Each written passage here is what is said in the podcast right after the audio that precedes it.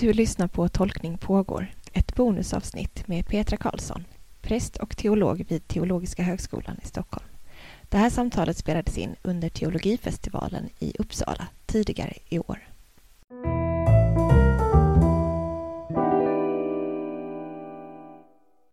Hej och välkommen till Tolkning pågår som idag sänder från Teologifestivalen i Uppsala. Och jag sitter här med Petra Karlsson. Du får gärna berätta vem du är. Ja, jag är eh, forskare och eh, teolog eh, som jobbar på Teologiska högskolan i Stockholm. Och jag är präst i Svenska kyrkan sedan 2002. Mm. Mm. Och du har varit med i en ström, som det kallas på Teologifestivalen. En, liksom, ja, ska, ja, en ström som är, har titeln Trovärdig kyrka. Mm. Och det är en väldigt spännande titel. Så då är jag, gärna, jag är väldigt nyfiken på att höra vad har ni pratat om än så länge? Mm. Jo, det är många som tycker att det är en spännande titel, tror jag, för att vi eh, blev 120 stycken och jag har, har väl förstått att det vi var inställda på var ju ett litet sammanhang där vi skulle kunna sitta och prata i princip i en ring. Mm. Eh, men jag tror att frågan om kyrkans trovärdighet är relevant och viktig och väcker intresse, både gissar jag lite grann utifrån de skandaler som har varit kring kyrkan, så där, där, alltså där man liksom inte har kunnat leva upp till det som är den förväntade trovärdigheten, mm. eh, kanske. Eh, men också förstås för att det handlar om framtiden. Och vad, vad är kyrkan och vad ska kyrkan vara? Mm. Eh, och vi har haft, vi började med olika inspel där Joel Halldorf som ja, som är min kollega på Teologiska högskolan men som också är ledarskribent och författare. Eh, han började med att prata om, eh, om vår tid. Vad är det som ger trovärdighet i vår tid? Och han berättade om eh, påven Franciscus ja. som eh, har en förmåga att i olika sammanhang säga saker som inte alltid kanske faller i god jord sådär. Han hade till mm. exempel eh, i något sammanhang beskrivit en far som en väldigt god far därför att han tillrättavisade, tillrättavisade sina barn genom att slå dem, men aldrig genom att så, slå dem i ansiktet av respekt. Då. Och okay. det här blir naturligtvis hela liksom staben där blir jättenervös, för så här kan han ju inte säga. Men det, Joels poäng med att lyfta fram den där berättelsen var att sen fråga i rummet, är det någon som känner till detta? Nej, det var det ingen som gjorde. För, för det som är eh, påvens genomslagskraft, det är snarare en känsla av autenticitet. Eh, och utifrån det så menar han att liksom, i vår tid, om man ska vara trovärdig, så kan man inte eh, man kan inte, alltså det är inte lätt att vara trovärdig med ord eh, längre, utan man måste, det måste vara liksom handling och eh, eh, ja, ord och handling måste bli ett på något vis. Man måste få en känsla av att här finns det en människa som är på något vis sann mot sig själv. För att det är många av då påvens handlingar, menar han, som när han har valt bussen istället för limousin och såna här, den där typen av symbolhandlingar blir viktigare. Ja, så för honom så blev det en bild då för vad en trovärdig kyrka är. En kyrka som handlar trovärdigt och gott och rätt. Mm. Sen hade vi en kyrkoherden från Möndal som pratade om eh, hur de öppnade sitt församlingshem för, som transitboende under mm. flyktingkrisen.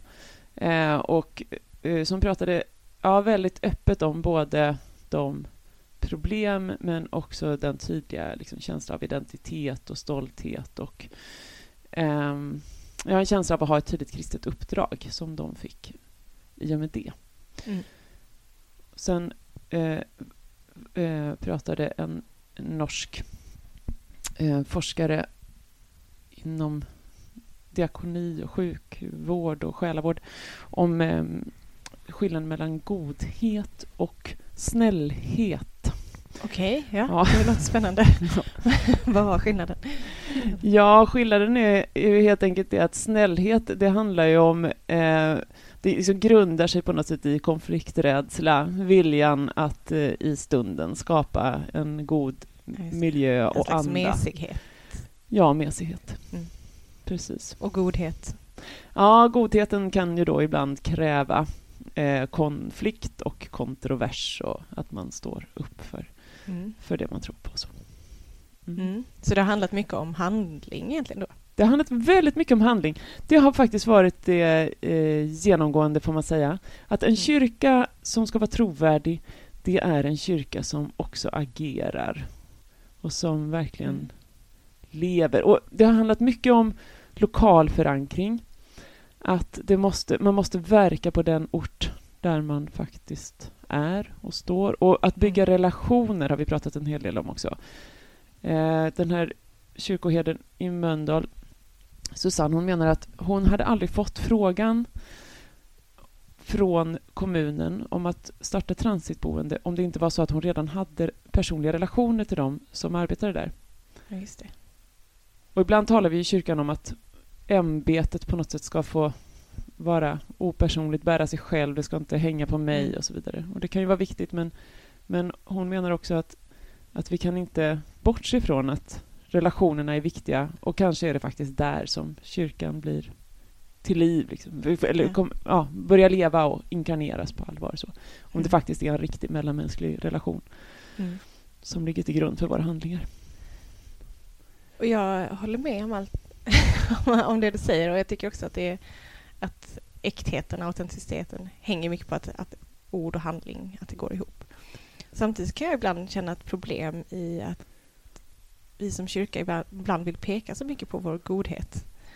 Ehm, för det kan också bli svårt att relatera till.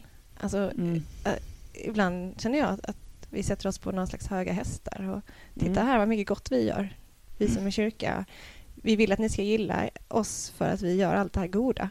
Mm. Men Mm. och då, då, då känner jag att då, min trasighet då, som människa, var får Mm. den plats om jag måste vara så himla god? Mm.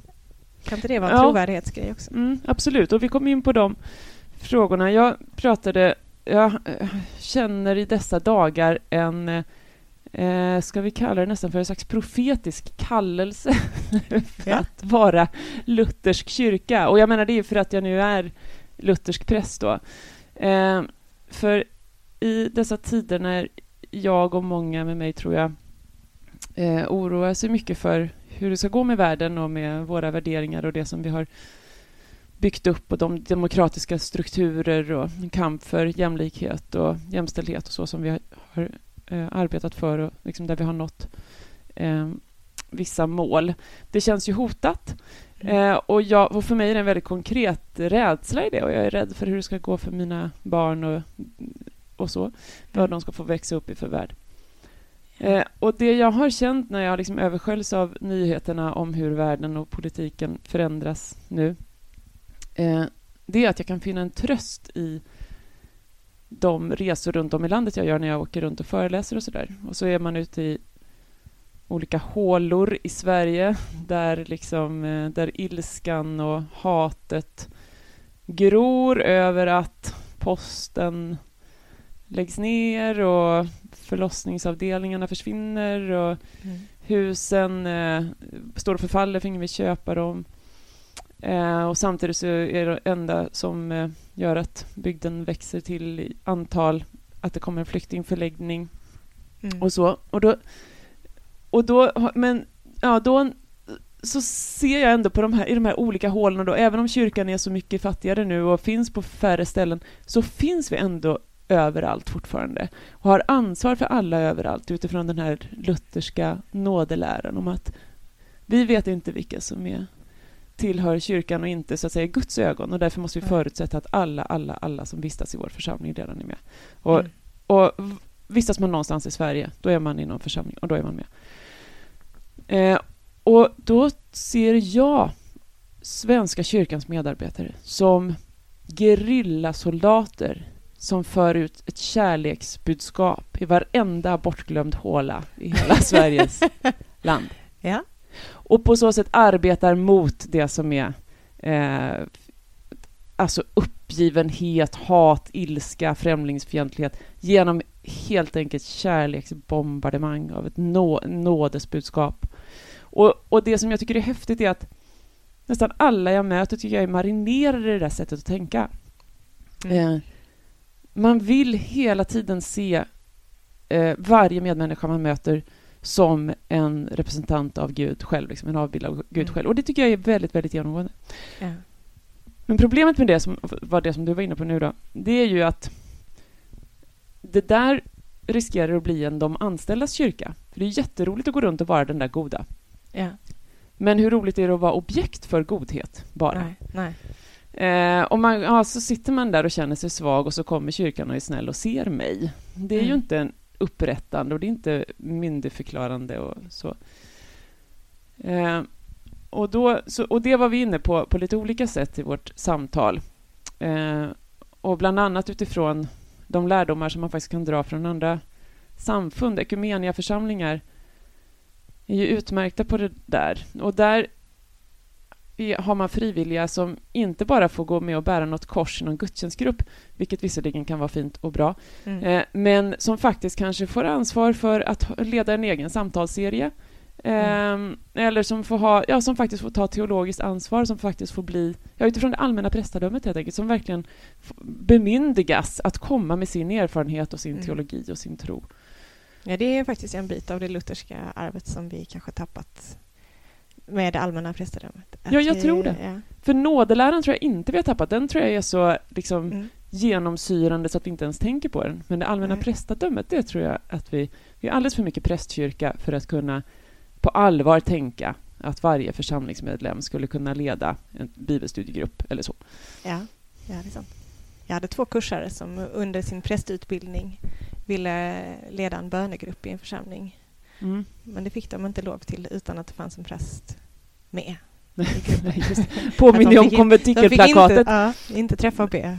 Träffas och be utan prästen. Det var ju precis det under konventikelplakatet, Mm. så var det det som man inte fick göra. Inte samlas och be i hemmet utan en luthersk präst närvarande. Nej, som ser till att allt går rätt till. Exakt. Ja.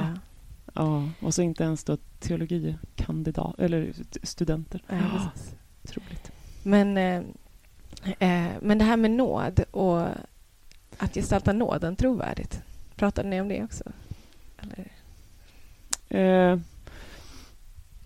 jo, det gjorde vi. Det var... Eh, ja, men det handlade, då, och då hamnade vi mycket i detta att finnas i det lokala, det lilla, i sanna relationer.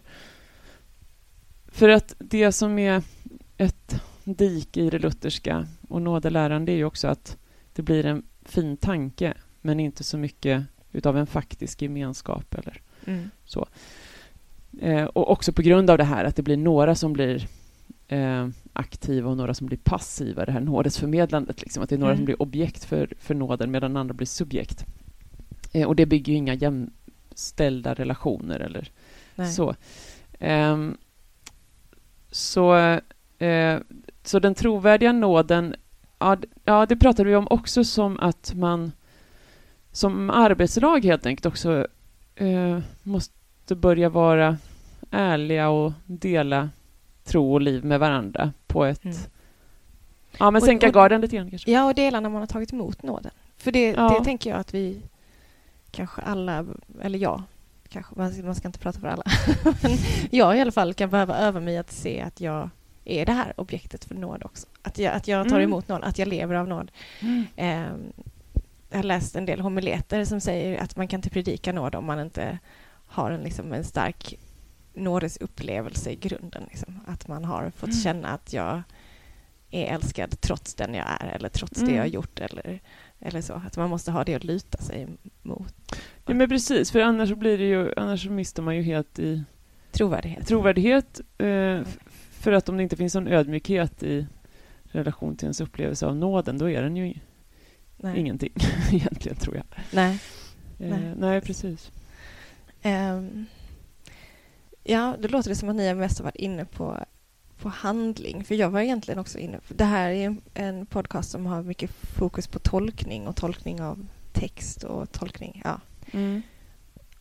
Har du någon fundering om vad som kan vara trovärdighet i de sammanhangen? Hur gör man en trovärdig bibeltolkning? Eller? Ja, det har denna ström också ett svar på, förstår du. Mm. Men jag har inte riktigt svaret än, men jag kan berätta hur det kommer att gå till. För det är så att eftermiddagen här nu, Mm. nu, nu sitter ju vi på lunchen och pratar. Och då kommer eftermiddagen att fortsätta med en Lectio Divina eh, uppgift, där vi tillsammans, eh, då hela detta stora gäng, kommer att lyssna på bibel, en bibeltext. Vi vet ännu inte vilken det är. Vi är väldigt nyfikna på detta. Mm. Eh, men den ska på något sätt eh, ha kunna kopplas till det som är att vara en trovärdig kyrka. Men det ska också utmana oss, har Jonas Ideström sagt, i vad det kan vara att vara en, en trovärdig kyrka.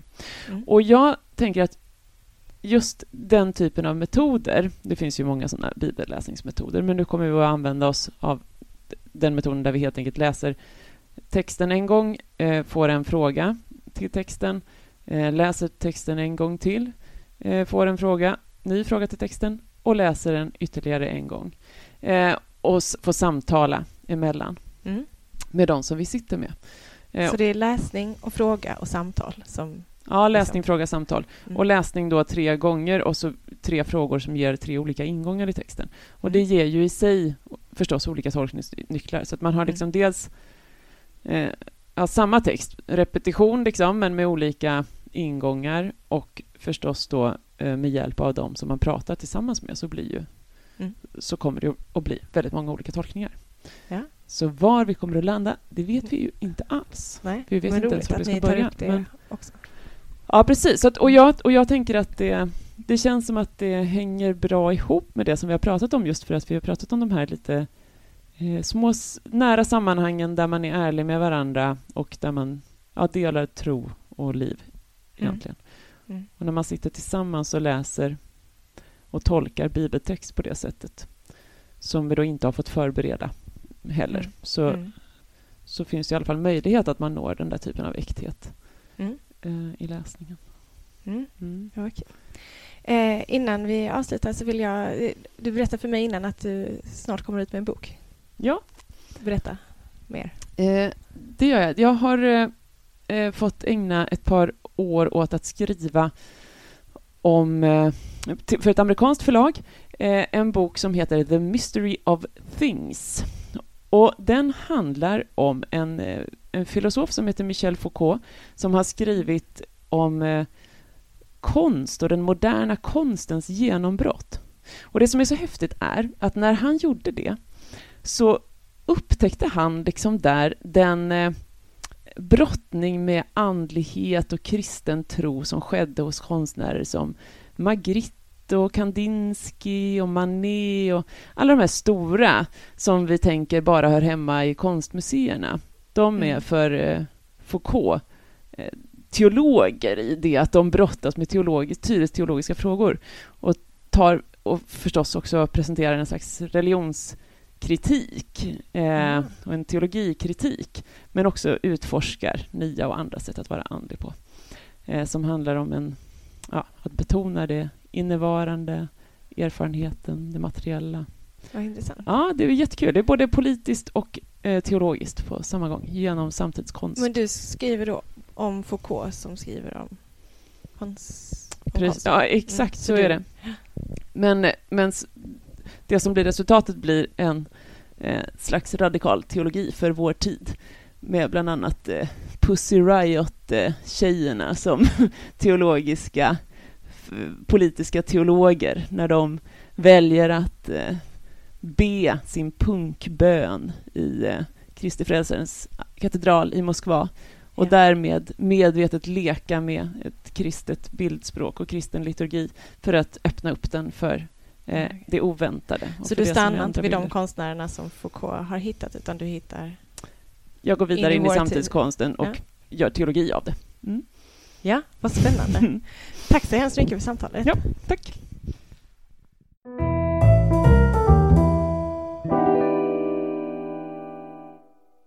Lyssna gärna på fler avsnitt av Tolkning pågår. Du finner oss via tolkningpagar.blogspot.se eller sök i en vanlig sökmotor efter Tolkning pågår så hittar du vår hemsida. Där finner du mer information om oss och naturligtvis alla tidigare avsnitt. Du kan också hitta oss på Facebook. Och om du gillar oss där så hjälper du fler att hitta oss. Tack för att ni lyssnat.